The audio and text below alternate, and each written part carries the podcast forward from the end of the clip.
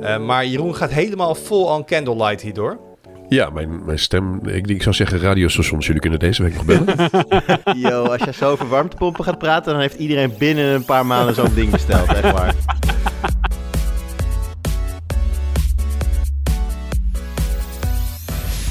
Hoi, leuk dat je luistert. Welkom bij een nieuwe aflevering van de Tweakers Podcast. Mijn naam is Wout en ik zit vandaag in de podcast met uh, Jeroen Horlings. Hallo. Met Arnaud Wokker. Wow. Hoi. En hier Jan Ubachs. Goedemorgen. Ja, misschien moeten we wel even... Dit gaat echt opvallen. Uh, uh, Jeroen is echt een enorme trooper. Want die komt hier wel in de podcast zoals afgesproken... terwijl hij een, een klein virusje onder de leden heeft. wat we allemaal misschien wel eens kennen, genaamd COVID. we, daarom nemen we ook op vanuit huis... voordat mensen denken dat we hier bij elkaar zitten. Maar Jeroen gaat helemaal vol on candlelight hierdoor. Ja, mijn, mijn stem. Ik, ik zou zeggen radiostations. Jullie kunnen deze week nog bellen. Uh, daarnaast ben ik te lang. Maar um, ik heb niet echt uh, een tekst in mijn hoofd. Maar um, als iemand een muziekje eronder kan monteren... dan zou ik zeggen van... bij het maanlicht zagen ze elkaar voor de laatste keer. Ze hielden elkaar nog één keer vast en gaven een kus. En toen was alles voorbij. Yo, als je zo over warmtepompen gaat praten, dan heeft iedereen binnen een paar maanden zo'n ding besteld. Echt waar. Oké. Okay. Oh, kunnen we nog een online karaoke sessie... Of een online karaoke sessie, dan wil ik Jeroen alleen maar Barry White horen. Ja, echt hè? maar uh, goed dat je erbij bent, uh, Jeroen. Dat je nog in ieder geval wel fit genoeg voelt om te podcasten. En het, het werd al verklapt. Sommige mensen die, die luisteren wat vaak naar het podcast denken... ah, Jeroen die zit erbij. Nou, dan gaat het toch over camera's of elektrische auto's. Nee, dubbel nee. Uh, het gaat over duurzaamheid. Ook natuurlijk een echt Jeroen onderwerp. En daarbij uh, de warmtepomp.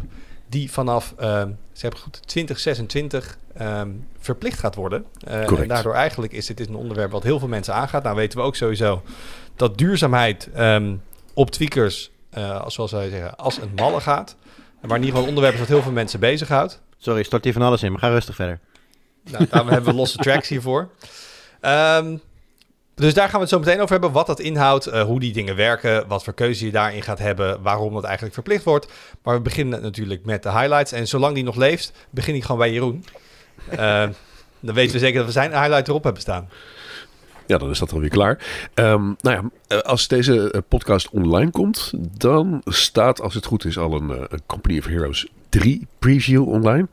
Um, dat is ook iets waar ik mee bezig ben. En ja, dat is dus een, een van de ja, stiltzame RTS-spellen. Ik weet niet hoe jij er tegenaan kan, Jur, maar het, le het, lijkt er wel echt op dat RTS een soort van revival bezig is. Hè? Command Conquers, uh, Command Conquer Remastered, uh, Age of Empires, um, Company of Heroes 3 nu. De laatste versie was in 2013. Dus uh, ja, hoe zie je dat? Is het een trend? Um, nou, ik weet niet of het ooit echt weg geweest is. Het is meer um, een beetje naar het, um, ja, de, de, de, de, de, wat, de wat goedkopere, hè? dus, dus de, de, de Steam uh, libraries en dat soort dingen gegaan. De grote projecten misschien inderdaad wat minder. Maar inderdaad, met de games die je noemt, een aardige revival. Ja, in mijn hoofd, en dat is niet, dat is niet terecht, want het is natuurlijk meer een roleplaying game. Maar ik schaar Diablo natuurlijk daar ook onder. Dat is geen RTS, want het is een roleplaying game. Maar omdat dat, dat, dat, die top-down view, die, die, die, die, die, die confust mij altijd. De, ja, als het isometrisch is en uh, Precies, dus jij zit Jeroen zit te vertellen en je lepelt allemaal RTS Classics op. Met mijn hoofd doet Diablo en dan denk ik van, dat is RTS, maar oké.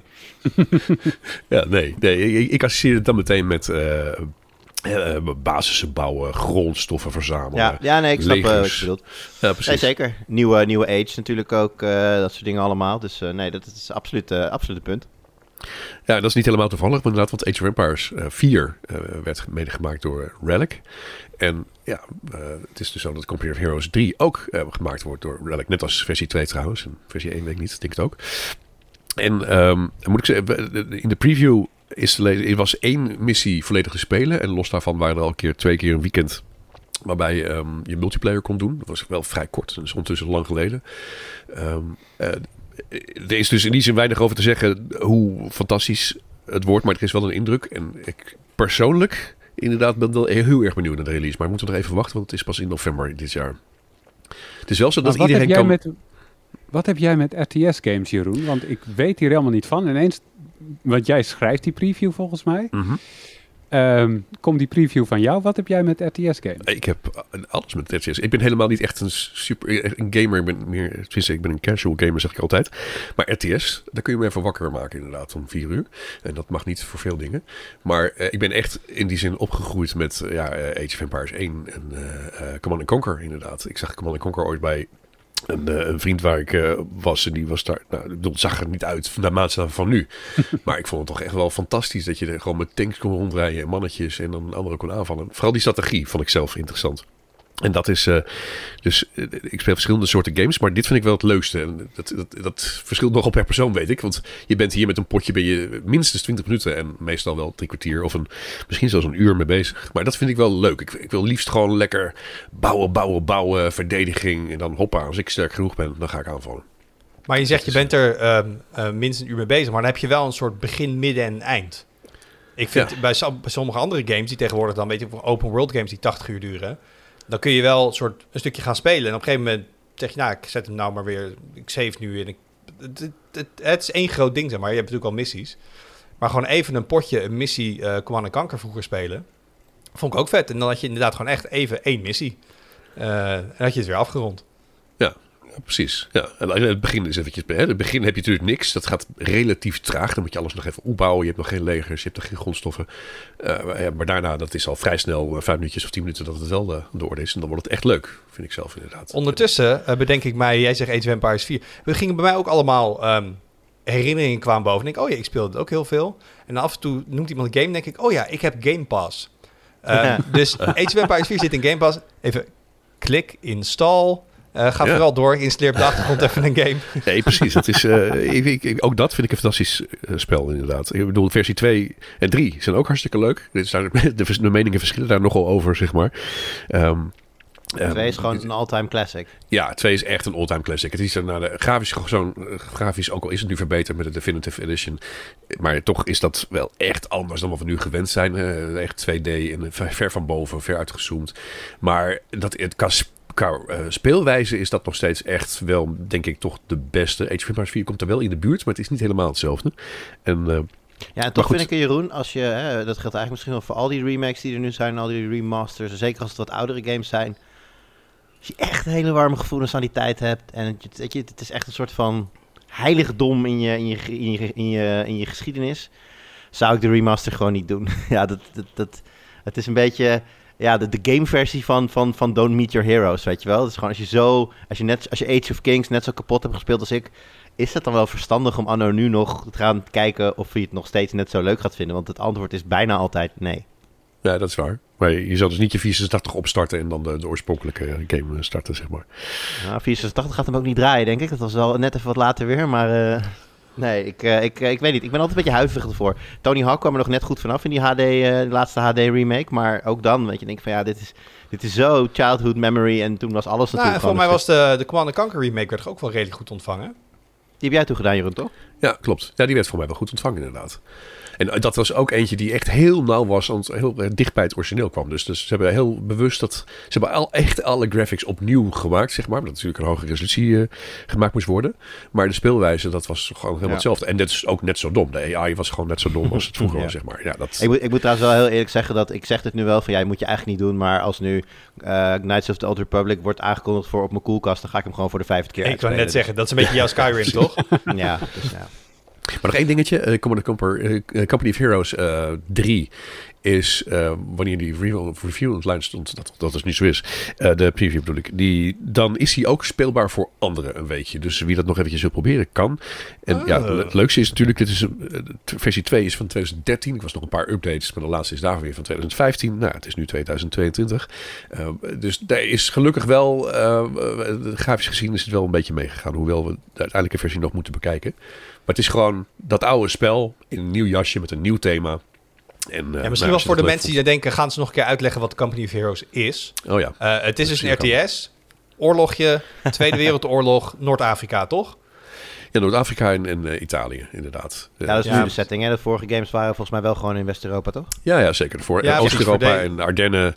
Dus in die zin zijn heel veel thema's al geweest natuurlijk. eh, en er blijven nog het voldoende over. Maar het is dus het is tamelijk realistisch. eh, Je kunt echt bepaalde slagen kun je namaken en uh, of kun je naspelen. En het leuke is ook, dat zijn, er zijn heel veel mods en custom maps. Dus ik noem maar wat, uh, uh, je wilt de Slag om Arnhem naspelen. Dat kan dus ook, want dat is allemaal gemaakt door users. En dat, nou ja, het is echt oneindig in die zin. Vet. Oké, okay. voor de fans die al jaren zitten te wachten op meer, meer RTS, doe er je voordeel mee. Jur. Ja. Heb je een highlight? Uh, ja, maar ik zit nu helemaal met mijn hoofd bij RTS. Dus ik hoop vooral dat er een nieuwe Total Annihilation komt. Dat zou, ik, dat zou ik heel erg aanmoedigen. Maar ik geloof niet dat dat uh, erg, erg snel in de pijplijn gaat zitten. Maar ik blijf wel bij games. Uh, afgelopen week kwam namelijk het nieuws dat de E3 in 2023 daadwerkelijk terugkeert. Dat niet alleen uh, dat Readpop um, gaat uh, organiseren, of eigenlijk produceren. De ESA, de Entertainment Software Association, die is natuurlijk de organisator van de, van de E3.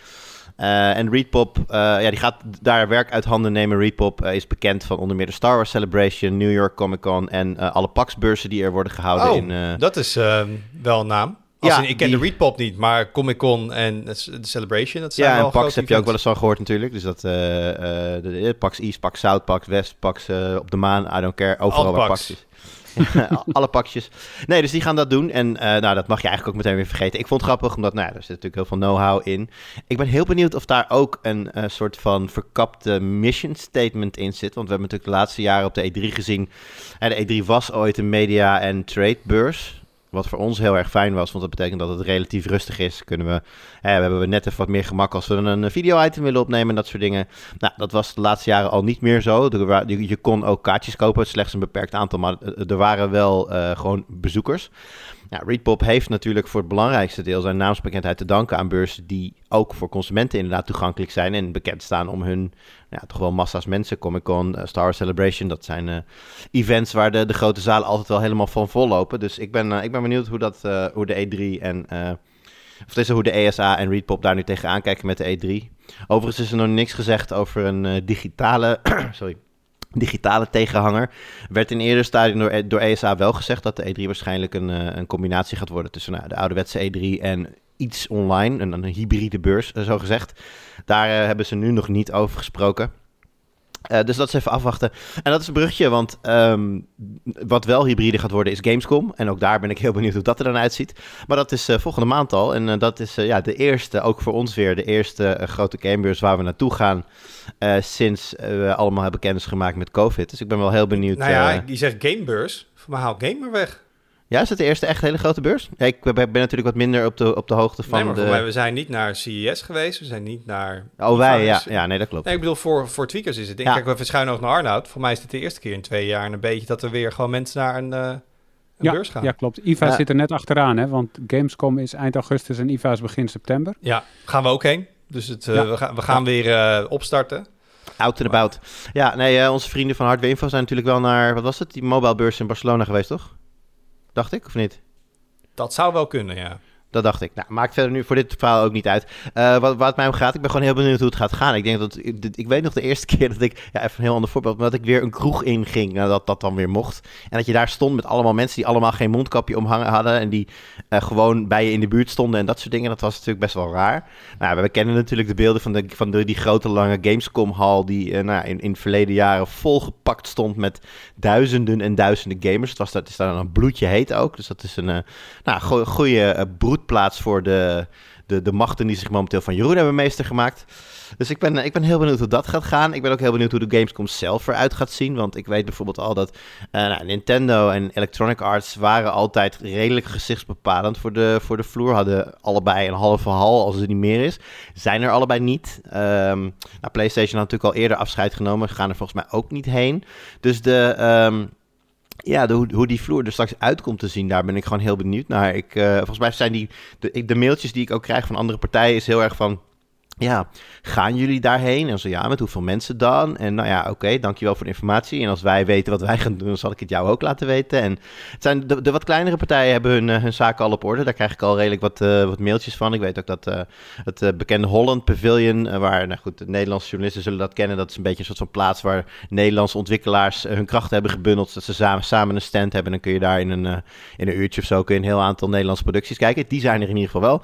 Maar hoe het met de grote partijen afloopt, ik heb werkelijk nog geen idee. Dus ik ga daar... eh, het voelt een beetje als mijn eerste gamebeurs, wat natuurlijk raar is. Want ik werk ook, al, eh, ook al bijna 15 jaar bij Tweakers. Maar eh, nee, dat, dat, dat- dat- ja, normaal gesproken weet ik helemaal blindelings wat ik kan verwachten als ik naar een E3 of een Gamescom ga of wat dan ook. Ja, en dit is toch even eh, anders. Even aanvoelen hoe het allemaal gaat, hoe het, eh, hoe het allemaal werkt. Ik herken de, de wat afwachtende houding van de, de standhouders. We hebben met IFA dus ook. Want dan sturen wij een mailtje naar een bedrijf of bellen we... hey, ga je naar IFA? En zeggen ze... ehm, gaan jullie naar IFA? En zeggen we...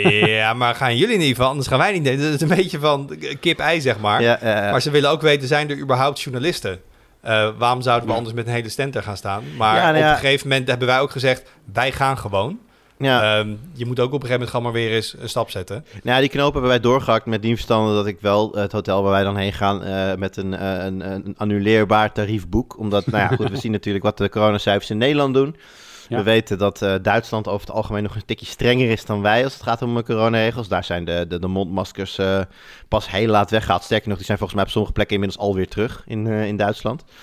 Dus daar hou ik, ik hou er rekening mee dat op het aller, allerlaatste moment, de maandag voor de games, komt, er toch nog een bericht komt van nou, ofwel de beurs die toch niet doorgaat, ofwel een heel aantal standhouders die zeggen nou wij laten onze mensen toch thuis en we gaan het toch allemaal maar online doen.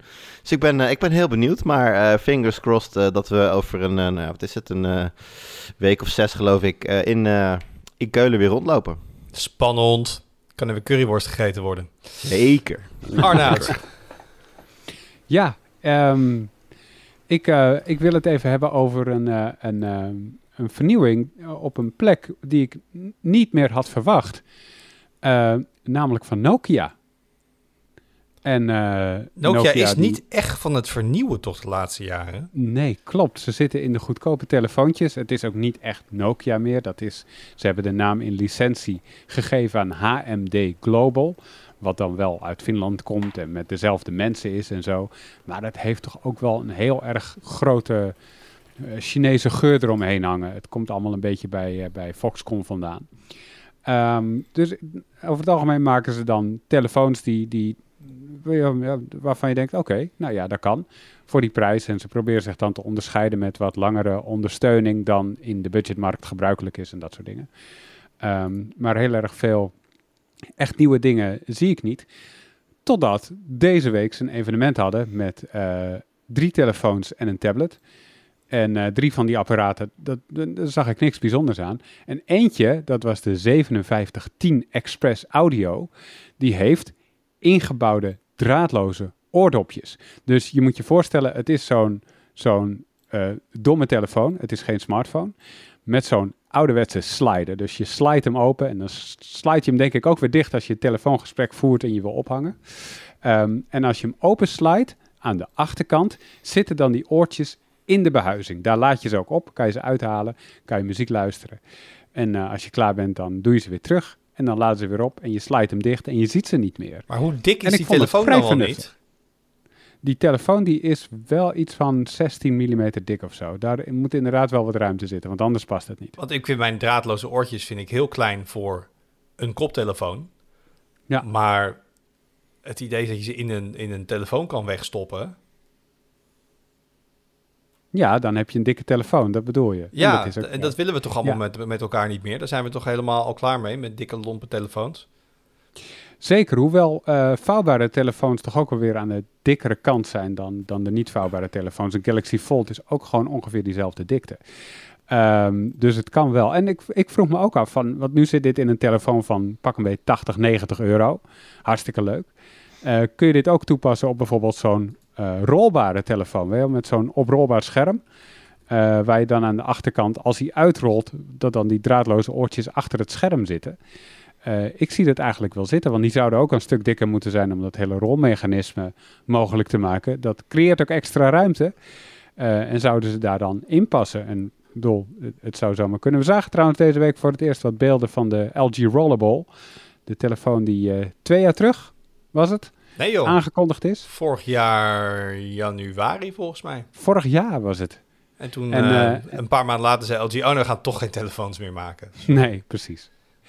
En toen hebben ze hem gecanceld. Ze hadden hem aangekondigd op de CES volgens mij. En vervolgens drie maanden later stopten ze met telefoons maken. Het is nooit meer uitgekomen. Nu zijn er toch beelden van. En daaruit zie je ook dat het een grote telefoon is, want je, hij, schuift dan uit naar de zijkant. En dan heb je extra ruimte van het scherm. Is het scherm eh, heeft een andere oriëntatie. Uh, en ik dacht wel, ja, daar passen oortjes achter. En aangezien bijna iedereen nu met draadloze oordopjes werkt, er worden er heel veel verkocht. Het is een hele grote markt. Maar iedereen heeft nu zo'n extra doosje in zijn broekzak zitten, met, of in zijn tas of waar dan ook, om die oortjes uh, op te bergen. Dit klinkt als een, als een oplossing. Ik, ik vroeg me af, mm, de, de, mm, zie jij dat zitten, Wout? Mm, Kijk, dat ding waar jij naar refereert, die was uh, 89 euro, hè? Dus mm -hmm. dan, dan dan is het best wel leuk als je bij je een soort van dumbphone ingebouwde uh, oordopjes hebt, dat ze draadloos zijn. En daar moet je denk ik niet veel van verwachten. Nee. Um, want voor dat geld moeten ze dus een hele telefoon bouwen en ze moeten dan ook nog eens oordopjes maken en zo. Dus eigenlijk gewoon wat vroeger de meegeleverde bedraden oordopjes waren, zijn nu draadloos geworden. Um, maar je kan in die behuizing denk ik geen andere oordopjes kwijt. Nee. hebben een bepaalde vorm. En als je dan ja. voor high-end rollable telefoons hebt, ja, dan ga je dus een soort lock-in doen. Als je dan oordopjes gaat meeleveren, uh, dan moet je dus degene die bij de telefoon in de behuizing passen. Ik vind het wel fijn dat ik een telefoon van merk X kan hebben en mijn oordopjes van merk Y. En als mijn telefoon nog oké is, maak ik wat nieuwe oortjes. Dan kan ik gewoon mijn oortjes vervangen. En die kan ik dan in dat, in dat doosje in mijn broekzak stoppen. Dus... Uh, het een beperkt het ander niet. Als je meegeleverde, kijk natuurlijk, je koopt dan zo'n telefoon wel omdat je die meegeleverde dingen wil, want anders heb je een nodeloos dikke telefoon. Maar als je dat uh, dat element even weglaat in de overweging, kun je natuurlijk dat ding nog steeds wel koppelen met je bestaande Bluetooth. Uh, uh, neem ik aan. Dus het is ja. niet zo dat als je deze koopt, dat je dan alleen maar de meegeleverde kan, nee, kan gebruiken. Tuurlijk, maar, maar, goed, het is wel zo'n unique selling point. Ja, ik zie het wel zitten. Want kijk, aan de ene kant zeggen we uh, van, oh ja, maar je telefoon wordt er wel dik van. Ja, oké, okay, maar nu heb ik een telefoon in mijn zak en een los doosje voor mijn oordopjes. Dus in die zin win ik er waarschijnlijk broekzakruimte aan. Ook al um, moet je maar een keer maar ver van vier vragen wat ik vind van dikke en zware telefoons. Maar uh, Uh, nee, ja, dus het, ik zie het ergens wel zitten. Ik denk, ik, ik vind sowieso het, het combineren van, van apparaten. Ik bedoel, hè, vroeger, vroeger, weet je, opa vertelt, hadden we allemaal hmm. uh, iets als een, een, een, iPod in onze zak. Na, en, en, toen kwam daar een telefoon bij. En eigenlijk, nou goed, dat ging wel vrij snel. Maar toen die telefoon smart werd, toen was het heel snel afgelopen met, met, met de iPod. Terwijl iedereen ook dacht van, ja, maar ik heb hier gewoon muziek op. Waarom zou ik in vredesnaam op mijn telefoon al mijn muziek willen hebben staan? Dat is toch onhandig? Uh. En inmiddels hebben we helemaal geen uh, telefoon meer waar muziek op staat, maar hebben we allemaal gewoon Spotify en dat soort dingen. Maakt niet uit. Het gaat er gewoon om. Ik vind het handiger, denk ik, dan twee losse dingen in mijn zak. Ik zie nog ja, een ander voordeeltje in die zin. Dan, een ander voordeeltje is misschien, tenminste, dat, is bij mij persoonlijk. Ik ben heel vaak mijn, uh, in dit geval AirPods, ik, gewoon kwijt. Want die heb ik dan weer ergens laten slingeren. Uh, vanochtend was ik ze ook kwijt, want ze lagen ergens in bed, waren ze eronder gevallen. En had ik ze toch wel nodig voor, voor nu, dus ik onder het bed duiken.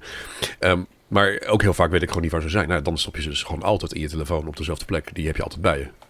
Maar laat je ze, doe je ze altijd als je klaar bent terug in het doosje en ben je een doosje kwijt? Of laat je gewoon die dingen los rondslingeren? Nee, dat, dat, dat doet mijn, uh, mijn uh, zoon wel inderdaad. Maar ik zelf uh, doe ze altijd meteen weer terug. Mm-hmm. Maar dan is het doosje inderdaad ergens. of zit het in een tas of in een jas of ergens even Ja, en het doosje kan ook nog eens leeg gaan apart van je telefoon. Dus je moet... Ja. Hè, mijn vriendin zit bijvoorbeeld ook helemaal in, dat, in het Apple-ecosysteem. En die moet dus... S'avonds moet dan de, de, de, Apple Watch moet aan de lader. En, en, en, en de, de AirPods moeten aan de lader. En de telefoon zelf moet natuurlijk ergens nog aan de lader. Als je er eentje vergeet, is het systeem stuk. Dus als je minder kan vergeten, is het handiger. Je moet dus wel zo'n 3-in-1 ding kopen, inderdaad. Dat heb ik. Dus het wordt alles meteen, je hele ja, Apple-ecosysteem wordt dan opgeladen. Maar zou jij, zou jij het willen, Arnoud, zelf? Ik, ik weet het niet. En het komt door iets. En daarom denk ik dat, dat andere fabrikanten hier, als het, als het enigszins kan, hier dit graag zouden willen. Want het, het, het, het, het brengt je natuurlijk wel in hun ecosysteem. Want je hebt dan gelijk de oordopjes. En stel voor, die oordopjes die hebben gewoon een accu die wat sneller slijt dan de telefoon. Die gaat iets minder lang mee. Moet je nieuwe hebben. Dat moeten dezelfde zijn, want anders passen ze niet in dat behuizingje. Of ze moeten in elk geval compatible zijn. Dus het is wel echt een, een soort lock-in. En uh, dat vinden die fabrikanten allemaal wel leuk. Als je, als je ja, binnengesloten bent in een mooie tuintje. Dus daarom denk ik dat dit, op het moment dat er meer ruimte komt in de behuizing van een telefoon, bijvoorbeeld met een rolsysteem, of omdat we allemaal naar de vouwbare modellen gaan, dat dit best wel een idee is wat uh, in ieder geval onder fabrikanten nog wel eens wat, uh, wat, uh, wat populairder zou kunnen worden. en ik denk ook dat veel mensen inderdaad ook wel voordelen zien van één ding minder laden. En dat de oortjes dan van hetzelfde merk zijn, ja, dat, ik bedoel, eh, heel veel mensen hebben dat al.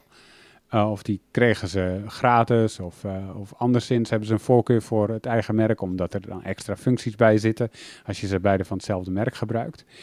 Um, dus wat dat betreft zie ik... Ja, je ziet het fabrikant het willen, maar Arnoud, hier moeten wij toch tegen zijn, nog meer vendor lock-in. Je moet toch, moet toch keuze ja. hebben, moet toch concurrentie hebben. Dit moeten we toch helemaal niet zitten aan te jagen hier. Ik vind dat een goede opmerking. Ik, ik, het, ergens voel ik dat ook wel, dat je daar een soort van tegen zou moeten zijn. Aan de andere kant, ik vond dit wel zo'n mooi, mooie noviteit. Zo'n mooi idee dat ik denk, ik gooi het even in de groep om te horen wat iedereen nee, ervan ik vind vindt. Het grappig en dat ze het gemaakt hebben. Ja. Maar ik, Ja. ik voel hier gewoon op principiële gronden dat je zegt, ja, maar dan heb je gewoon een telefoon van een merk, heb je toch gewoon de oortjes van het merk, dat werkt lekker samen. En ik, ja, maar dat, al die arme third-party Bluetooth oortjesfabrikanten dan, die komen dan toch nooit die markt in? Dat zijn toch de Over- Firefoxen onder de Internet Explorers? Over, over 10 tot 15 jaar ook gewoon een Europese commissie die een aanklacht indient tegen telefoonfabrikanten vanwege deze lock-in. Het zou zomaar kunnen. Ah, daar houden ze wel van. Hey jongens, ik heb eh kleine boektip. Ook eh, kijk even met schuin nog naar Jeroen. Want eh, Jeroen is wat, wat ouder en die heeft vroeger ook gegamed. Dit gaat niet over RTS'en. Maar ik heb gelezen Not All Fairy Tales Have Happy Endings. En dan denk je niet meteen, oh dat gaat over computers of games. Maar dat gaat het wel degelijk. Dat is de geschiedenis van de, de totstandkoming, eh, het, het, het ja, pieken en daarna helemaal uiteenvallen van de game-uitgever Sierra Online. Ehm, mensen die al wat langer gamen kennen misschien wel de King's Quest-serie, eh, de Police Quest-serie. Eh, als je vroeger heel stiekem games speelde die eigenlijk niet mocht, dan speelde je Leisure Suit Larry. Dat kwam daar ook vandaan. Eh van mij een van de laatste grote games die ze uit hebben gegeven, heb je misschien ook wel eens van gehoord. Dat heette Half-Life. Ehm, was ik helemaal vergeten dat het ook van Sierra was. Alleen, ehm, dat was heel be- beroemd van, eh, van een echtpaar. Ken en Roberta Williams. En Ken die programmeerde en Roberta die bedacht eh, de adventure games. Ehm, en eh, het, het is, Ken Williams is geen geboren auteur. Dat vind ik ook niet zo erg bij dit soort dingen. Hij is wel de vent die het allemaal heeft meegemaakt. Dus die ook het verhaal het beste kan vertellen. Hij, hij is ook een klein beetje... eh, nou, een klein beetje. Hij komt echt verschrikkelijk arrogant over. Eh, het, het, is niet een hele sympathieke gast. Dus ik, ik zat wel in het begin te lezen van... eh, Hè, hè, wil ik dit lezen? En, zo. en hij was... Ja, het is niet dat hij zijn vrouw helemaal dom noemde, maar zelf was hij toch wel echt, echt wel heel erg intelligent en slim. En kon die dingen programmeren die anderen niet konden en eh, dat soort dingen. Dus daar moest ik even doorheen. Maar uiteindelijk is wel heel interessant om te zien. Het geeft ehm, een, een goed inkijkje in, eh, in hoe de game-industrie toen, toen werkte en hoe games gemaakt werden. Eh het klinkt een beetje als wat ik ook zei over die... eh, over Masters of Doom, waar we het tijdje terug over hadden. Maar het is wel een beetje hetzelfde, maar dan helemaal in een andere sector van de, van de industrie. En natuurlijk dat op een gegeven moment de hele economie er bovenop ging springen. Want hey, hier zit geld. En toen werden ze overgenomen door een groot conglomeraat. En toen was er boekhoudfraude. En toen, nou, toen ging het allemaal helemaal de verkeerde kant op. En nu eh, slijten zij hun dagen met rond de wereld zeilen op een boot. En doen ze niks meer met games. Ehm, Wow. Ja, dat is iets heel anders. Maar nogmaals, voor de, voor de mensen die vroeger... ehm, ja, er was echt een tijd dat Sierra Online ongeveer alle games uitgaf. Eh, ze hadden heel veel subsidiaries. Ze hadden race games, ze hadden educatieve dingen, ze hadden adventure games. Ehm, ook dingen waarvan ik niet meer wist van... Oh ja, dat, ze hadden een ontwikkelaar van mij die Pa- Papyrus. Die deed allemaal eh, sports racing en NASCAR games. Die heb ik vroeger ook nog wel gespeeld. Ehm, dus eh, kom je uit die tijd en heb je destijds dit soort spellen gespeeld... Eh, dan is het zeker wel leuk om te lezen. eh, eh, alleen al voor de, de trip down memory lane. En ook gewoon om wat meer achtergrondinformatie te krijgen bij hoe dat allemaal tot stand kwam. Eh, Je bent in een nostalgische bui de laatste tijd, hè? ja, ik zit, mijn hele leeslijst is gewoon nostalgische boeken over tech en games. Staat er, in die, staat er in het boek ook iets over de share discs toevallig? Want die hebben heel lang, eh, dat is ook weer lang geleden. Maar als, wij dan, als je dan een, eh, een share game wilde reviewen, dan moest je dus een spe- speciale share disc hebben, nog los van die game. Om dan, het, is, het was een soort van unlock file eigenlijk, die er dan op die Sierra disc stond. Ik weet niet, staat daar iets over Nee. in of is dat een verzinsel van een eh, publisher die daar handig in was of zo? Misschien, misschien dat laatste, want nee, dat, dat staat er niet. ehm, Nee, wel. Nee, nee, nee. Ze hebben Ja, alleen maar nee, dat ze in het nee. begin gewoon Nee. heel veel floppies in eh, boterhamzakjes aan het versturen waren met de post. En dat ze wel naar CD's gingen daarna. Ja. Ehm, ja, dat is echt wel wat latere tijd alweer hoor. Dus inderdaad dat cd's er al waren en dan had je inderdaad, kreeg je, dan moest, moest je zo'n share disc hebben, anders kon je die games niet, eh, niet reviewen. Ja, en ze hadden natuurlijk Sierra Online, hè. Ze hadden eigenlijk voor het internet... Eh, ook al gezien dat eh, online Het gaming... internet. Ja, het internet. Wie kent het niet? Dat het een groot ding ging worden. En dan hadden ze al een eigen online net dat hè, ja, Microsoft had dan eh, het Microsoft Network en dan Sierra had het Sierra Network. Eh, heeft het ook niet gered. Ehm, en, eh, en wat ik ook niet meer wist, maar dat heb ik destijds ook niet gezien, dat ze hun eigen game magazine hadden. Maar gewoon, ze hadden gewoon zoveel dat ze gewoon een eigen magazine uitbrachten. En het bleek ook nog best wel populair te zijn. Niet geheel objectief, dus blijkbaar. Ehm, maar nogmaals, ze- zegt dit je allemaal wat? De, de termen die ik nu door de ether smijt hier. dan is het best wel een leuk boek, leuk boek om te lezen. En waar ik altijd van hou, korte hoofdstukjes. Jeroen zegt ook van, hè, ehm, lekker af en toe even kort een game spelen. Ik ben nu een boek aan het lezen, toch elk hoofdstuk geeft mijn Kindle aan. Dat is toch een minuutje of twintig. Als je dan nog één hoofdstukje wil lezen voor slaap, dan denk je, ja, 20 minuten. En dit zijn gewoon hele korte, 5 tot 10 minuten, lekker opgeknipt. Kan ik altijd wel waarderen. Ehm, en ik heb eigenlijk twee highlights, dus even heel kort. Want we hebben het gewoon nog niet gehad, volgens mij in de podcast, over dat Formule 1 nu ook in VR kan. Toch? Toch? Ehm, nou ja, wel bij de preview even over gehad, maar toen eh, was mijn voornaamste commentaar erop. Het werkt nog niet, dus ehm, Ja, en eigenlijk is mijn voornaamste commentaar ook, en dat is een andere ervaring dan Jur heeft. En dat is misschien dan toch ook maar weer het probleem met PC-VR. Eh dat Jur tijdens de reviewperiode dacht, oh, dit werkt goed, het is chill. ah, dat is te makkelijk. Het is aan de praat te krijgen. Maar ik, ik was natuurlijk sowieso al met Codemasters aan het mailen sinds, sinds, de, sinds de, de, de, de preview-sessie. Dus daar was al redelijk wat, eh, wat werk ingegaan. Maar uiteindelijk kwam er een patch. En die patch die loste bij mij de problemen. En dan heb ik het over een eh, wired verbinding met een, eh, met een Quest 2. Even een klein stukje show en tell, daar ligt hij natuurlijk gewoon naast me. Ehm, leuk als je thuis zit. Dan, toen werkte dat gewoon met wired. En ik begreep dat dat dan bij jou juist nog steeds een probleem was. Nee, Wired was ten eerste, ehm, de framerate was lager, de head tracking was iffy, waardoor ik heel misselijk werd. Dus ik heb het dan weer met een third-party tool, Virtual Desktop gedaan. Nou, ik ben best wel een weekend bezig geweest en toen heb ik het aan de praat wel gekregen, eh, met lage settings en zo, want ik wilde wel wat hoge framerate. Maar ik dacht wel weer van, PC VR, het blijft... Het is zo belangrijk dat je gewoon, eh, nou, wat Jeroen zegt, je gewoon een spelletje kan spelen. Dat je gewoon inplugt en gaat. En die, die Quest is heel goed in standalone VR opzetten, aanzetten en gewoon een spelletje spelen. Maar het, nou, mijn ervaring tot nu toe blijft gewoon dingen via je PC doen. Het, het is gewoon nog een beetje gedoe. En zolang het gedoe blijft. Ik merkte ook dat ik. Ik heb achteraf het ding afgezet. Toen ben ik gewoon de game gaan spelen op mijn monitor. dacht ik, oh ja, dit is eigenlijk ook gewoon wat chill. En het ziet er mooier uit. Nee, het is geen VR, maar dit is ook leuk. En dit kan ik wel makkelijk gewoon eventjes opstarten. Zonder dat ik dat. Ge... En dat vond ik ook wel ergens jammer. Want ik ben wel iemand die heel erg fan is van VR. En ik wil dat het slaagt. En ik wil dat het verder ontwikkelt. Ehm, maar eigenlijk was mijn, ehm, ja, mijn het gevoel waar ik me achterbleef. Nou, ik vind dat ik kan F1 ook wel prima op mijn monitor spelen. En dat is toch niet wat je wil hebben.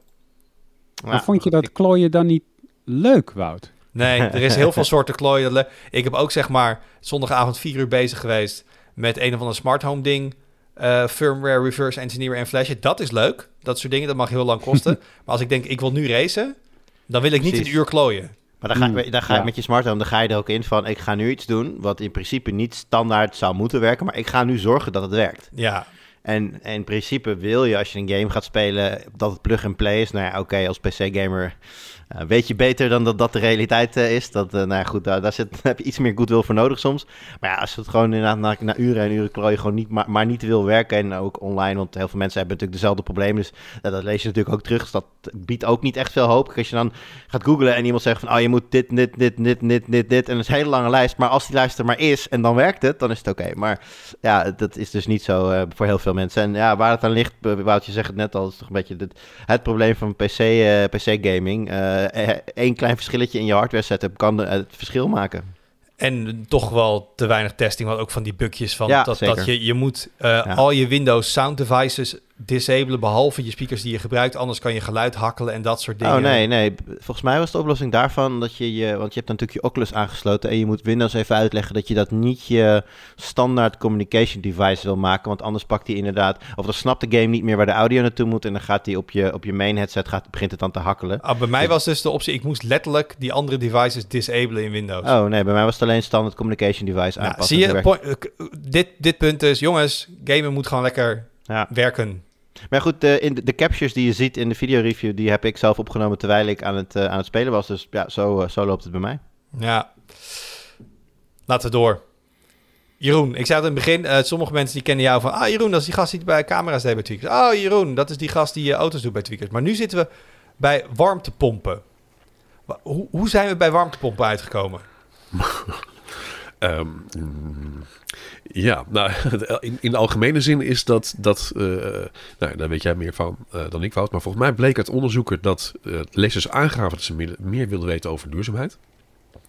En ehm, dat zien we eigenlijk ook in de praktijk. Want we zien dat dit soort artikelen, en het gaat over, nou, over windmolens, gaat over elektrische auto's. Of kleine windmolentjes voor thuis. En dus nu ook warmtepompen. We zien dat het heel goed gelezen wordt en dat er ook heel veel reacties op komen. En we zien niet alleen dat, we zien ook op het forum dat ja, bedenk een onderwerp en vooral eh, duurzaamheid en een beetje tweaken, zelf installeren, dat mensen daar massaal mee bezig zijn momenteel. En hoe krijg je je huis eh, van gas los bijvoorbeeld? Want we moeten er allemaal vanaf. Oké, dus eh, logisch. Dus mensen waarderen het. Maar ik zei net even aan het begin. Een warmtepomp. We gaan denk ik zo meteen misschien even beginnen. Wat is een warmtepomp? Ehm, maar hij wordt verplicht. En Ja. misschien daar eerst even. Wanneer? Misschien drie dingen. Wanneer is dat? Waarom is dat? En wat maakt dit anders dan een cv-ketel? Ja, nou, eh, het, jaar is 2026, dus dat is nog eh 3,5 jaar van nu. Nog eventjes. Ehm, en dat is vooral gedaan om een moment te kiezen, waardoor er duidelijkheid ontstaat. Zowel voor mensen die dus een nieuwe cv-ketel moeten, dat ze weten, nou, ik kan nu nog een oude kopen als ik het zou willen. Of ik ga nu alvast nadenken over, wat, wat wil ik hierna? Wat wil ik, meteen, hè, wil ik meteen al meteen bij de tijd zijn? Ehm, maar ook voor installateurs, waarvan er nog veel meer nodig zijn. Ehm, en voor bedrijven die warmtepompen en ook onderdelen daarvan maken. Eh, d- d- het moet allemaal opgeschaald worden. Het wordt momenteel al behoorlijk toegepast. Sinds eh, de oorlog in Oekraïne. En dus de mega hoge gasprijzen eh, is er ook een enorm hogere vraag naar warmtepompen en andere vormen van verduurzaming van huizen. En dus ook zonnepanelen. Dat, dat, dat, dat betekent meteen dat je dus geld bespaart voor je eh, voor eh, stroomkosten en dat soort dingen die ook heel erg gestegen zijn. Nou ja, en dat geldt dus ook voor, voor warmtepompen. En het punt is ook een beetje, eh, ik heb meerdere mensen gesproken hierover. Zij zeggen ook van ja, als je dit. eh 2026 is dus verplicht. Dat betekent dat in 2025 gaan mensen nog een gasketel kopen. Zo'n gasketel gaat 15 jaar mee. Dat betekent dat je dus in 2040 nog steeds volledig afhankelijk bent van gas. En pas dan gaat nadenken over een vervolg. Dat is rijkelijk laat. Want we willen eigenlijk in 2045, eh, tussen 2045 en 2050, willen we eigenlijk volledig eh, emissieloos zijn. Ehm, en dat is dus nogal een uitdaging. Dus we kunnen er beter eh, vroeger mee beginnen dan, dan later. Dat is eigenlijk de reden. Maar het, is best, het gaat best wel ver dat de overheid toch verplicht hoe jij je huis verwarmt. Je Ja. zelf eh, niet zoveel keuze meer hebt. Nou ja, eh, eh, ja, dat gaat best wel verplicht. Kijk, de, de, de autoriemen werden ook ooit verplicht. Waren mensen het ook helemaal niet mee eens. Een beetje gek. dat is voorbeeld hoor. Snap je, iedere verplichting of is niet leuk ergens natuurlijk. Van bemoei je dus. Ik, ik zorg wel voor mijn eigen, ik, hè, mijn eigen risico en zorg er zelf wel voor. Maar er is natuurlijk wel een gedachte achter. En de gedachte is eigenlijk heel simpel. Wij hebben een uitgebreid gasnetwerk in de jaren 50, 60 eh, eh, opgezet in een relatief korte tijd. Eh, de gasbel in Nederland is eh, op in Groningen. Eh, dat betekent dat wij ergens anders gas vandaan moeten halen. En dat is enorm moeilijk. En dat kan eigenlijk vooral... eh, eh, Rusland is daar de grootste spelers van Europa. Voor mij is eh, Europa voor, wat was het, 50% afhankelijk van Russisch gas. Dat is een gruwelijk eh, hoog aantal. Eh, we weten nu dat die gaspijpleiding in Duitsland dicht is voor onderhoud. Maar de kans is heel groot dat die straks eh, dicht blijft. En dan hebben we in Europa eh, echt een mega probleem met een enorme, waarschijnlijk eco- economische recessie. Maar dat is een ander verhaal. Wij moeten van gas af, linksom of rechtsom. En dat betekent dat het gasnetwerk dat gaat uiteindelijk eh, niet meer functioneren. En dan moet je dus ofwel zelf gas ergens vandaan halen. Dat is hoe het nu in het buitenland gaat. Je koopt zelf een gastankje, je laat hem ergens vullen. Zet je dat bij je huis neer. Heb je gas? Nou, lekker. Ja, ik denk dat dat niet eh, eh, de manier is die bij, eh, bij Nederland past. Dus dan kun je beter nadenken over een andere vorm van je huis verwarmen. Oké, ik heb nu een cv-ketel. Ja. Die werkt dus op gas. Wat, hoe, hoe werkt een warmtepomp anders? Nou ja, een warmtepomp maakt dus warmte met behulp van elektriciteit. Maar het is heel anders dan de andere vormen die we kiezen. hè. Iedereen kent zo'n standkacheltje wel. Dat zijn dingen die eh, eh, eh, tamelijk inefficiënt zijn. Bij, het is gewoon een gloeidraad die warm wordt, dan heb je warmte. Maar het kost ontzettend veel stroom. Een warmtepomp is eigenlijk een heel interessante uitvinding. Ehm, want die, als je kijkt naar een gasketel, dan zijn die gemiddeld zo'n 90% efficiënt. En dat is best wel een hoog percentage. Hoger dan 100% kan niet. Hoewel sommige fabrikanten daar, daar wel mee adverteren. Maar dat is weer een van de trucje natuurlijk. Um, maar warmtepomp, in vergelijking daarmee, is 300 tot 500% efficiënt. Dus uh, een factor 5 efficiënter. Dan, dan gaat, komt er meer energie uit dan dat erin gaat? Ja, dat is dus het uh, bijzondere. Voor iedere kilowattuur stroom krijg je er 3,5 tot 5 kilowattuur warmte aan terug. En dat komt weer door een heel interessant technisch uh, Maar dat, dat is het mooie van de warmtepomp inderdaad. Het is echt een ontzettend en, uh, energie-efficiënt systeem. En dat betekent dus dat je... Leg energie... maar uit dan. ja, nou ja, uh, het, in feite, als je het heel simpel zegt, dan is een warmtepomp eigenlijk een omgekeerde airco. Uh, airco's die kennen we wel, maar die kan je ook gebruiken voor verwarmen. Dat is eigenlijk hetzelfde principe namelijk. En uh, een warmtepomp onttrekt warmte uit een bepaalde oh, bron, ik, lucht. Verrek, ja? ik heb een warmtepomp thuis. Je hebt een warmtepomp? Nee, misschien Mijn airco kan verwarmen. kan die verwarmen? of? Mijn airco kan verwarmen. Ja, dat bedoel ik. Nou, dan ben je ik al klaar. warmtepomp. Wat leuk. Althans, ik weet niet welke ruimte dat is. Maar dat, zo, nou ja, precies, zo wordt dat wel, wel toegepast. Je kunt, nou ja, is geen handen van. Maar je kunt warmtepomp bij spreken per verdieping of per dinges. Uh, dus zie je in Amerika zie je dat natuurlijk ook veel. Ja, als je een airco hebt kun je vaak ook... Uh, het is, uh, sommige die kunnen ook verwarmen. Dus dan ben je al een heel eind inderdaad.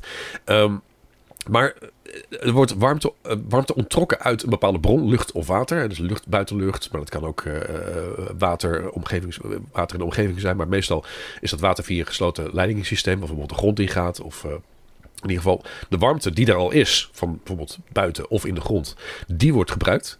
En dan wordt ja, een, een, een soort koelvloeistof, wordt bij lage temperatuur wordt verdampt en bij een hoge temperatuur wordt dat gecondenseerd. En met behulp van een compressor wordt daar dus warmte aan toegevoegd. En die compressor, dat, is dus, uh, dat kost dus elektriciteit.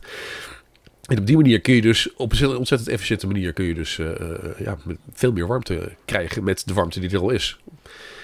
En nou ja, het, klinkt misschien een beetje abacadabra, maar kijk vooral het plaatje wat, uh, wat in het artikel staat. Dat maakt het ietsje duidelijker. Maar waar ik dan meteen aan denk, ik heb nu een cv-ketel, daar komen leidingen uit. Uh, ja. Die leidingen gaan door mijn huis heen. Uh, want daar zit ook mijn, uh, mijn, mijn warm water voor in mijn, douche en dat soort dingen. Maar bijvoorbeeld ook uh, mijn radiatoren zitten daarop aangesloten. Um, mijn airco, dat zijn grote units die aan het plafond hangen tegen de muur, zeg maar, met allemaal kabels. Als ik een warmtepomp heb, werkt dat samen met radiatoren. Krijg ik een soort airco-achtige units in elke kamer. Hoe gaat dat eruit zien? Nou, daar bestaan dus verschillende systemen voor inderdaad. Dus, dus, dus, alles, alles kan, bij wijze van spreken. Maar dat maakt het dus ook meteen heel erg complex. Want welke methode kies je nou voor? Misschien even bij begin beginnen. De meest uh, logische vorm om nu mee te beginnen, als je al een gasketel hebt, en stel je voor, die is nog lang niet aan vervanging toe, dus die wil je gewoon houden, dat is om daar een hybride warmtepomp naast te zetten. En hybride zegt het al, dat is dus een warmtepomp, maar die is dan net niet krachtig genoeg om je huis volledig te verwarmen, tenminste in de meeste gevallen. Waardoor uh, je eigenlijk een hele logische scheiding maakt. Dat die gasketel die wordt nog steeds gebruikt voor bijvoorbeeld het tapwater om dat te verwarmen. En uh, die uh, voor de rest van het jaar doet hij tamelijk weinig. Behalve als het heel erg koud is. Want als het heel erg koud is, dan kan die hybride warmtepomp bijvoorbeeld de warmtevraag niet aan. En ja, die wil niet koud hebben in huis. Dus in dat geval schakelt die gasketel bij. En dat betekent in de praktijk dat je dus zo'n uh, zo'n hybride warmtepomp kost natuurlijk geld. Hè, drie, ongeveer 4000 euro, uh, soms 5000. Uh, maar je bespaart dus direct 50 tot 75 procent energie, volgens de cijfers van de, onder andere Milieu Centraal. En dat zorgt dus voor een aanzienlijke besparing van je gaskosten. En mijn airco heeft um, een buitenunit. Die staat bij mij met dak. Dat kan, plat dak, appartement. Hebben die warmtepompen ook altijd iets aan de buitenkant hangen? Niet altijd, maar in de meeste gevallen wel, inderdaad. Ja, je hebt ook nog een monoblok, daar komen we misschien zo meteen nog op terug. Maar in de meeste gevallen heb je dus een buitenunit inderdaad, wat ook hè, logisch is, want je wilt daar, uh, je moet de ventilator draaien, dus dat kun je best aan de buitenkant doen. Uh, er is lucht van buiten nodig. Uh, dus je hebt meestal een buitenunit en een, een binnenunit inderdaad, die, die dan weer nou, nou ja, dat hele vloeistofgebeuren regelt. En hoe groot zijn de units dan ongeveer, weet je dat? Ja, ook dat verschilt enorm. Dat, uh, ik woon zelf in een wijk, uh, zogenaamde duurzame wijk, uh, die is al twaalf jaar van gasloos. Dus iedereen moest hier een huis laten bouwen met al een bepaalde ja, nieuwe vorm van, van, van warmteopwekking. En um, ik zelf heb eentje, ja, het was twaalf jaar geleden, hè, dus er was echt nog heel weinig keus. Ik heb eens even eentje, een ding die behoorlijk groot is. Dus dat zijn twee ventilatoren boven elkaar. Ehm, eh, ja, dat zal 1,50 meter hoog zijn. En ehm, eh, dat is eigenlijk bedoeld voor wat bedoeld werd voor bedrijven. Maar mijn overburen die hebben er eentje, dat is gewoon een airco. Dat is gewoon een standaard airco Ja. zoals je die eigenlijk overal ziet. Dus dat kan ook. En binnen naast je, zeg maar, je, hebt dan, je had het net dan over hybride. eh, als je die dan naast je ketel hangt, is dat dan vergelijkbaar met een cv-ketel qua afmetingen? Ja, dat is vergelijkbaar. In de meeste gevallen zelfs ietsje kleiner. Dus natuurlijk, het hangt van het huis af. Hè? Maar in principe wil je die dus ook echt naast je cv-ketel hebben hangen. Of in ieder geval in de buurt. Want ja, het moet dus wel eh, eh, een beetje met elkaar samenwerken. Dus er zijn wel allerlei eisen aan. Maar dat ding hoeft niet heel erg groot te zijn. Het enige is als je dan eh, ook nog, als je een all-electric warmtepomp wil, dus, dus geen gas meer, dan wordt het wel iets Mhm. ander verhaal. Want dan moet je dus ook iets anders bedenken voor je, voor je warm water. En daar zijn eh, ook allerlei oplossingen voor, zoals boilers en eventueel met, met een zonneboiler erbij, die dus dat water weer opwarmt. Maar die warmtepomp kan het water ook verwarmen. Dan moet je ergens ook een behoorlijk eh, vat hebben staan. Want met, met 200 liter water volgens mij gaat erin, wat dus dat continu verwarmt. En, en heb jij dan radiatoren? Of heb je op een andere manier dat je de ruimtes verwarmt? Nou ja, precies. Als je, ik, ik heb zelf een lucht, luchtwarmtepomp. Dat is eh, een type wat in ieder geval 12 jaar geleden redelijk gebruikelijk was. Ondertussen eigenlijk niet meer. Dus er is zelfs geen subsidie meer daarvoor. Want ook voor alles is subsidie trouwens, voor de duidelijkheid. Want dat scheelt ontzettend veel geld. Het gaat echt over duizenden euro's. Zo'n 30% van de aanschafwaarde. Ehm, maar een lucht, luchtwarmtepomp, eh, dat is in feite gewoon een airco. Maar dan eentje die dus verwarmt. En of hij kan ook koelen in de, in de zomer als het heel erg warm is. Maar dan moet je dus En- per ruimte een soort binnenunit hebben hangen. Nee, eh, dat kan. Dat is één oplossing inderdaad. Dat is voor, vooral voor bestaande bouw. Is dat een, een idee dat je per etage, per ruimte, eh, eh, dat je daar zo'n unit hebt houden, hangen? Dat kan inderdaad. Of je moet, zoals bij nieuwbouw, moet je ehm, je hele huis ventilatie klaar hebben. Dus dan moet je overal ventilatieschachten hebben, waardoor dus bepaalde luchtstroom ontstaat. En de warmte van die warmtepomp gaat daardoor doorheen. Of de, of de kou. Oh, dat is wel netjes. Dan komt het gewoon door roostertjes in je plafond Ja. of je muur of zo. Precies. Dus dat is, dat is in die zin. eh, voor, voor nieuwbouw is dat ja, best wel een interessante optie. Voor bestaande bouw wordt het allemaal ingewikkelder. Daar kan je misschien beter losse doen. Wat eigenlijk nog eh, logischer is, is de lucht-water-warmtepomp. Want die kun je dus inderdaad koppelen aan je radiatoren. En eventueel aan vloerverwarming. Dat is eigenlijk het meest gangbare model van, van dit moment, zeg maar. En, eh, daar is dus wel subsidie voor. Dus de- dan, dan wordt lucht gebruikt eh, om op te warmen, maar vervolgens wordt, het wordt, wordt dat via water wordt dat, eh, eh, door je huis. Is dat, dan, is dat dan minder efficiënt omdat je van lucht naar water moet? Nee, dat schijnt, juist, nee, dat schijnt juist redelijk efficiënt te zijn, inderdaad. Voor mij zelfs ietsje efficiënter dan de lucht, lucht, lucht warmtepomp. Want het Maar punt is dan, als- bij als- lucht, als vervliegt een beetje. Ja, oké. als- maar als mensen nu luisteren en denken... Oké, ik, ik, ik moet van het gas af. Ik moet een warmtepomp. Je zegt er zijn eh 38 verschillende versies. En eh, het is Hm. allemaal een beetje wat je zelf wil. Waar begin je? Nou ja, eh, als je, eh, heb je dus een bestaand huis waar je dat wil toepassen, dan moet je vooral kijken hoe die situatie is. Heb je vloerverwarming? Heb je radiatoren? Wil je die behouden? Ja, dat lijkt me wel. Ja, dan is het dus heel simpel. Luchtwarmtepomp is dan eh, het meest logische. Bestaat overigens nog één andere variant die heel, heel goed is om te noemen. Daar hebben ze eigenlijk alweer gehad. Ehm, dat is namelijk een, een bodemwaterwarmtepomp. En dat is hetzelfde systeem als een luchtwarmtepomp. Maar dan ehm, gaat er, gaan er buizen de grond in. Ofwel verticaal, eh, eh, ofwel horizontaal. Verticaal is beter. Dan gaan ze, maar dan moet je dus wel een gat in de grond kunnen boren. En bij bestaande bouw is dat vaak lastig. Tenzij je een enorme tuin hebt. Bij nieuwbouw is dat overigens wel weer een optie. En dat is dus nog efficiënter. Dan krijg je die, dat water, dat gaat, eh, of een koelvloeistof, die- dat gaat de grond in. En op, op ongeveer 50 meter diepte is het ongeveer het hele jaar door dezelfde temperatuur. Graad Vijf, of acht. 50, 50. 50. Ja, 5-0. Het, het varieert. Het kan ook minder diep, het kan ook dieper. Ja, ja. Ehm, maar je onttrekt dus geen water uit de grond. Hè. Dat kan ook. Dat is weer een ander systeem. Dat is eigenlijk niet de bedoeling. Want dan verander je de hele eh, warmte in de grond. Maar in dit geval wordt er dus een buis in de grond gestopt. Inderdaad 50 meter. En daar gaat dus een eh, vloeistof doorheen. En die neemt dus die warmte of kou uit de grond mee naar boven. En koelt en of verwarmt daarmee je huis. En daarmee is je huis eigenlijk het hele jaar door exact dezelfde temperatuur. Dus dat is eh, overigens wel de duurste optie. Want dan moet je dus een grondboering doen. Maar dat is wel ook, eh, zoals het ernaar lijkt, de meest efficiënte optie. En je noemde ook nog een monoblok Ja. een aantal minuten geleden. Wat is dat dan? Nou, bij een- monoblok, eh, dat is in feite die twee losse units, maar dan als één.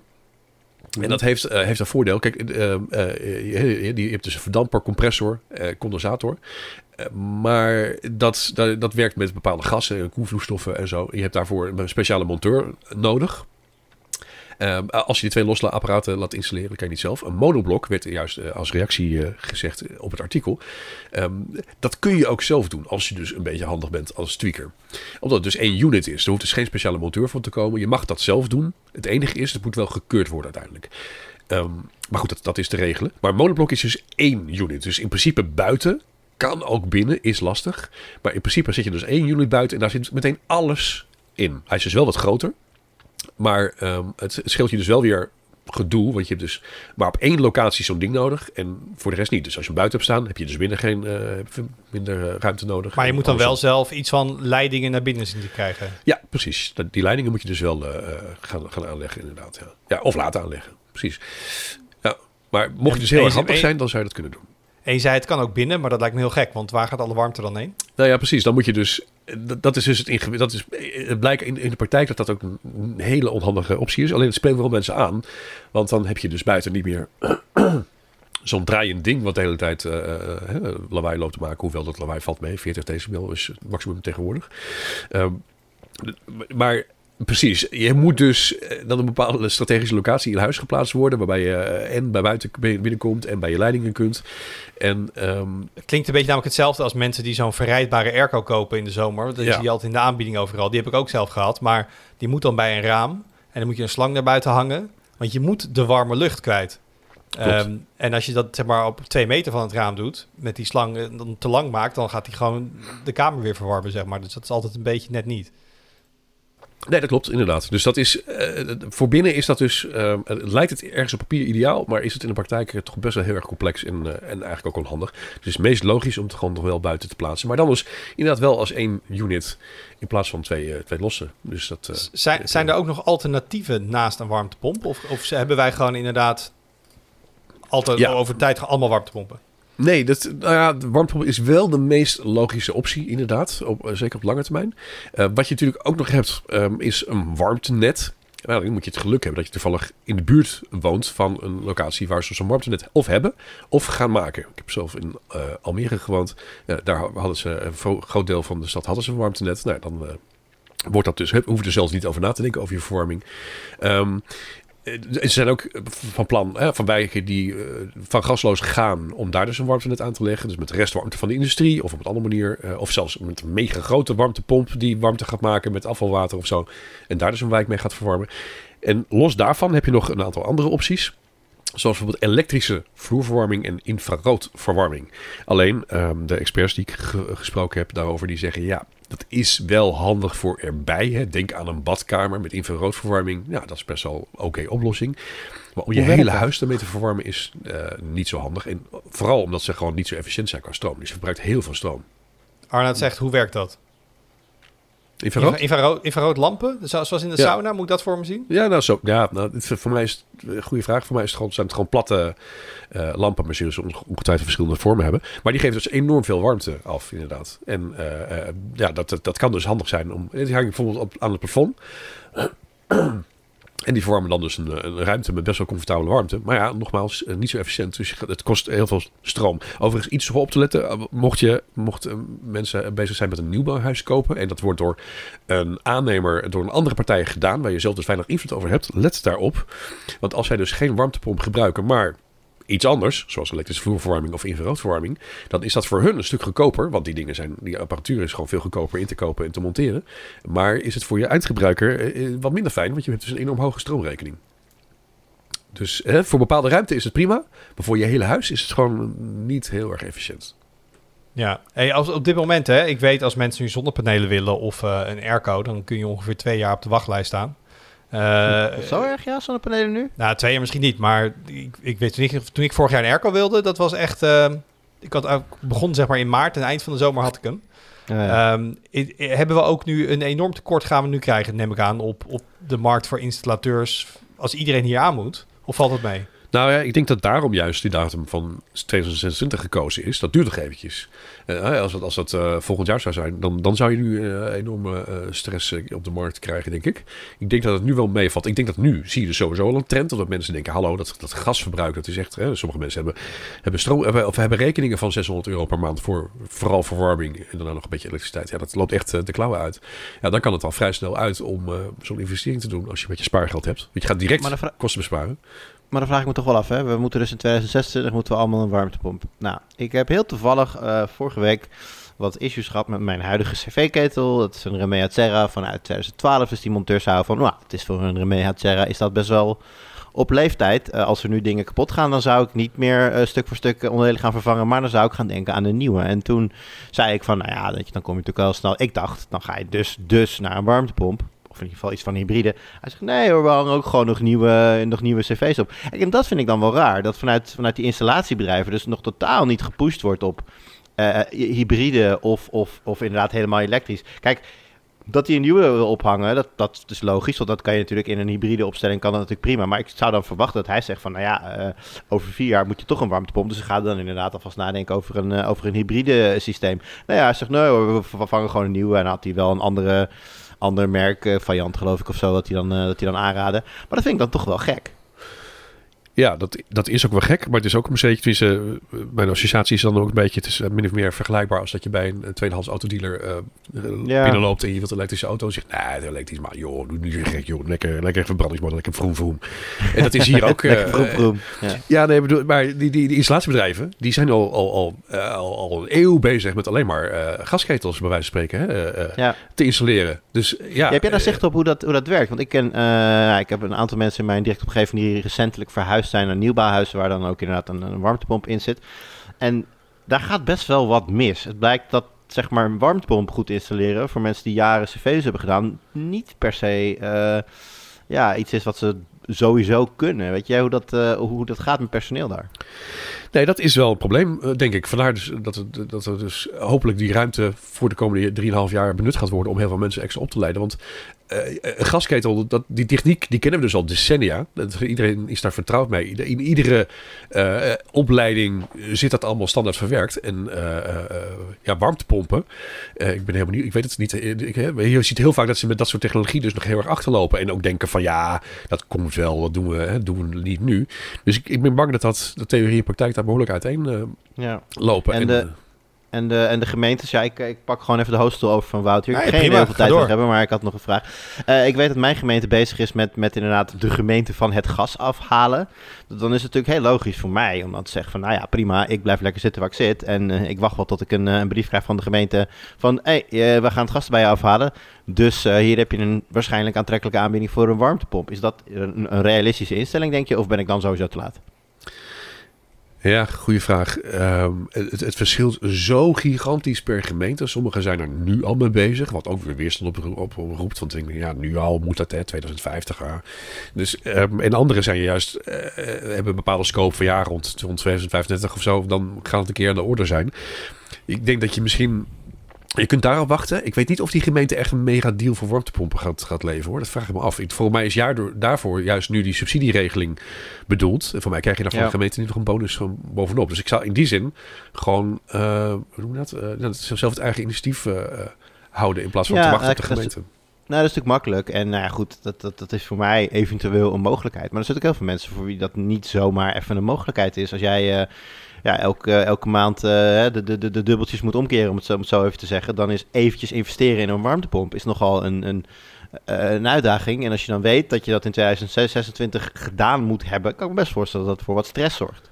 Ja, dat is zeker zo. Dat is, eh, dat is, dat is het lastige. Dat, zo is het altijd met nieuwe technologie. Dat is gewoon ja, toch relatief duur. Het is dus wel efficiënter, dus je verdient het terug. Maar ja, daar heb je geen boodschap aan als je het geld niet hebt. Um, ook daar is wel aan gedacht. Tenminste, dat het ministerie zegt dat dus los van subsidie, wat er dus is, 36% van de aanschafprijs. Um, zijn er ook uh, renteloze leningen voor mensen die, die zelf het geld niet hebben. En dan kun je dus daarmee wel financieren. En uh, dus dat, dat, ik weet niet, ik heb daar zelf geen ervaring mee, maar dat, dat klinkt als een, uh, een, mogelijke oplossing. En bedenk wel, als je dit dus gaat doen, wat dus echt wel serieus geld kost, hè, dat is absoluut een feit. Um, je gaat direct kosten besparen. Niet een beetje. En, en, en, en, terwijl je afhankelijk van het huis, hè? dat is natuurlijk ook nog wel een dingetje. Maar in principe ga je gewoon uiteindelijk op uh, kosten besparen. De terugverdientijd is grofweg vergelijkbaar met de zonnepanelen, volgens mij. En uh, dus met eigenlijk in die zin geen dat je het niet doet. Um, behalve dan inderdaad dat je het geld wel moet hebben. Of dus moet lent, uh, lenen met een renteloze lening. Ik wil je ook wel een beetje tegenspreken hier. Want okay. op het moment dat je een huis hebt met een cv-ketel die stuk kan en cv-ketels kunnen nu eenmaal stuk, dan heb je ook een investering te maken als ja. je een nieuwe ketel wil. En die is ook al snel 2000 euro, als ik het zo Zeker zeg. waar. En wat Jeroen ook zegt, dat je, de, de, de, de, hoe minder je momenteel uh, afhankelijk bent van gas, hoe sneller je dat waarschijnlijk op een positieve manier in je portemonnee. Dus inderdaad, zo'n renteloze lening uh, voor de lagere inkomens zou daarin uh, wellicht een uitkomst zijn. Jur, mag ik terug op de stoel gaan zitten ja. ook? Uh, ja, nee, is goed. Ik ga wel weer weg. Want de Arna misschien nog één vraag. Moeten we ook een beetje gaan afronden zo. Uh, nee, ik wil het gewoon twee uur doen dan. Ja, dat kan Oeh, ook een keer. Moet dat niet aankondigen van tevoren? Ik denk dat mensen dat heel naar gaan vinden als het zomaar uit het niks Ik ben wel even benieuwd. Ga, laat even weten in de comments als je zoiets hebt van... zo af en toe mag de Tweakers podcast ook gewoon een keer wat langer zijn dan een uur. Hoef je niet altijd maar op 59, 59 proberen af te kappen. laat het weten. Maar, laat even weten. Nu ben ik de vraag vergeten, dus uh, pak het maar weer over, Wout. Ah, ik heb nog wel een vraag. Uh, het is toch wel een belangrijk puntje uh, om nog te noemen, um, die we nog niet behandeld hebben. Namelijk, um, is zo'n waterpomp altijd een oplossing? Want het antwoord is natuurlijk um, niet per definitie ja. Um, een, een heel belangrijk punt is dat het huis waar je nu in woont, als het een bestaande woning dus is, dat die al wel goed geïsoleerd is. Dat uh, er overigens verschillende meningen daar wel een beetje over, maar het is uh, in die zin wel vergelijkbaar met als je, als je in je auto zit en je zet de airco aan en alle raampjes open. Ja, het heeft niet heel erg veel zin. Je verliest al die koele lucht meteen weer. En dat is natuurlijk met de warmtepomp andersom ook zo. Dus als je een ontzettend slecht geïsoleerd huis hebt en je, hebt, uh, je krijgt warmte van je, uh, van je warmtepomp met radiatoren of je lucht, maar je hebt overal kieren en gaten waardoor die, die warmte weer verdwijnt in de winter, ja, dan heeft het niet heel erg veel zin. Dus, uh, dus het is wel aan te bevelen om eerst te kijken naar dingen die eigenlijk sowieso al moeten, waar je sowieso heel veel winst mee behaalt. En dat is dus gewoon het isoleren van plafonds, muren en vloer, als dat nog niet gebeurd is tenminste. En kijken wat je daar kunt doen, want dat betekent dat je ook al heel veel energie gaat besparen. Maar dat geldt ook al als je een cv-ketel hebt eigenlijk. Ja, zeker. Dat, dat maakt niet uit hoe je verwarmt. Dat is ook zo. Dus in die zin is Maar het is wel zo dat als je dus een warmtepomp gaat, die kan over het algemeen um, uh, wat minder warmte produceren dan een gasketel. Lage temperatuurverwarming heet het ook wel. Uh, dus wordt wel aanbevolen dat in ieder geval in de basis die isolatie oké is. Dus niet dat je uh, eerst warmtepomp gaat doen en dan pas je huis gaat isoleren. Ik kan beter in ieder geval in de basis dat die, dat die isolatie oké okay ja. is. En, hè, voor de jaren 90 en 2000 is dat misschien wel redelijk goed te doen. Ben je, hè, met wat bepaalde maatregelen ben je klaar. Maar vooral oudere huizen is dat wel een dingetje. En, en als je in een uh, jaren 30 woning woont of een monument, dan heb je een probleem, want dan mag je niet altijd dat doen. Dus uh, voor die mensen succes. ja, je moet, je moet naar, naar de warmtepomp, maar nou, dan wordt die gewoon wat minder efficiënt als je niet alles kan isoleren. Um, dankjewel uh, Jeroen, ik heb wat geleerd. Uh, ik heb een cv-ketel van 15 jaar oud. Oeh, dus okay. uh, die wordt nog elke onderhouden. En de vent zegt elke jaar van... Uh, ja, meneertje, die kan nog even mee. Dus dat hoop ik maar. Vroom, vroom. maar uh, ja, vroom, vroom, zegt hij inderdaad. maar dat, dat zal op een gegeven moment ook wel moeten gaan spelen. Nee, dan wil ik er even vooruit kijken naar wat er op de site verschijnt. Um, collega, zowel Jelle en Friso, zijn bezig met een nieuw MacBook Air. dus zit jij in het Apple-ecosysteem of vind je het gewoon interessant? hou vooral de site in de gaten. en verder komt er ook nog niets aan, toch Arnoud? Helemaal niks. Ja, het is ook als je. We hebben hem al zien verschijnen. Het gaat om een telefoon. Natuurlijk van Nothing, het nieuwe bedrijf van Carl Pei, die eerder OnePlus oprichtte. Um, en als je hem voor het eerst ziet, dan denk je: oh, hey, een iPhone. Want zo ziet hij er echt uit vanaf als je gewoon een beetje schuin erop kijkt met die metalen randen. is precies hetzelfde. Um, maar als je aan de achterkant kijkt, ja, dan zie je al die lampjes en het half transparante design. En dan zie je wel dat het anders is. Um, en ik ben heel benieuwd naar de review. Ik heb nog niet gespeeld. Ik ook. Ik merk wel dat ik een soort, terwijl ik erin ga, een soort sceptisch ben. Ja. Omdat zij zo hard op de marketingtrom aan het slaan zijn al maanden. Terwijl ze eigenlijk nog ja. niks te melden hebben. Uh, van, hé, hey, we hebben een heel klein stukje gebakken lucht. Kom, we gaan het even de wereld inslingeren. En dan ga het ik altijd ook... een beetje achterdochtig worden. Ja, het is ook, de belofte is dan, er wordt niet meer geïnnoveerd in smartphones. Wij gaan de innovatie terugbrengen. En dan hun pièce de résistance zijn lampjes aan de achterkant. En dan denk ik, ja, maar 90% doet daar een hoesje omheen, zie je er niks van. Dus hoe aantrekkelijk is dat dan? En heb je voor de rest ook nog dingen gedaan aan die, aan die gebruikservaring die het veel beter maken? Ik ben heel benieuwd. Heb jij nou ook die vragen? Hou dan Tweakers in de gaten voor de Nothing Phone One Review. Uh, dankjewel jongens, de ronde kom hier af. Dankjewel voor het luisteren. Uh, dankjewel Jeroen dat je erbij was. Ga lekker zo uh, je bed in. Ik vond het een heerlijke stem om naar te luisteren. Uh, zo, uh, zo Tweakers uh, meet Candlelight. Heb je nou feedback op de podcast, kun je ons altijd even mailen op podcast.tweakers.net of een reactie achterlaten op de site. Tot volgende week. Doei.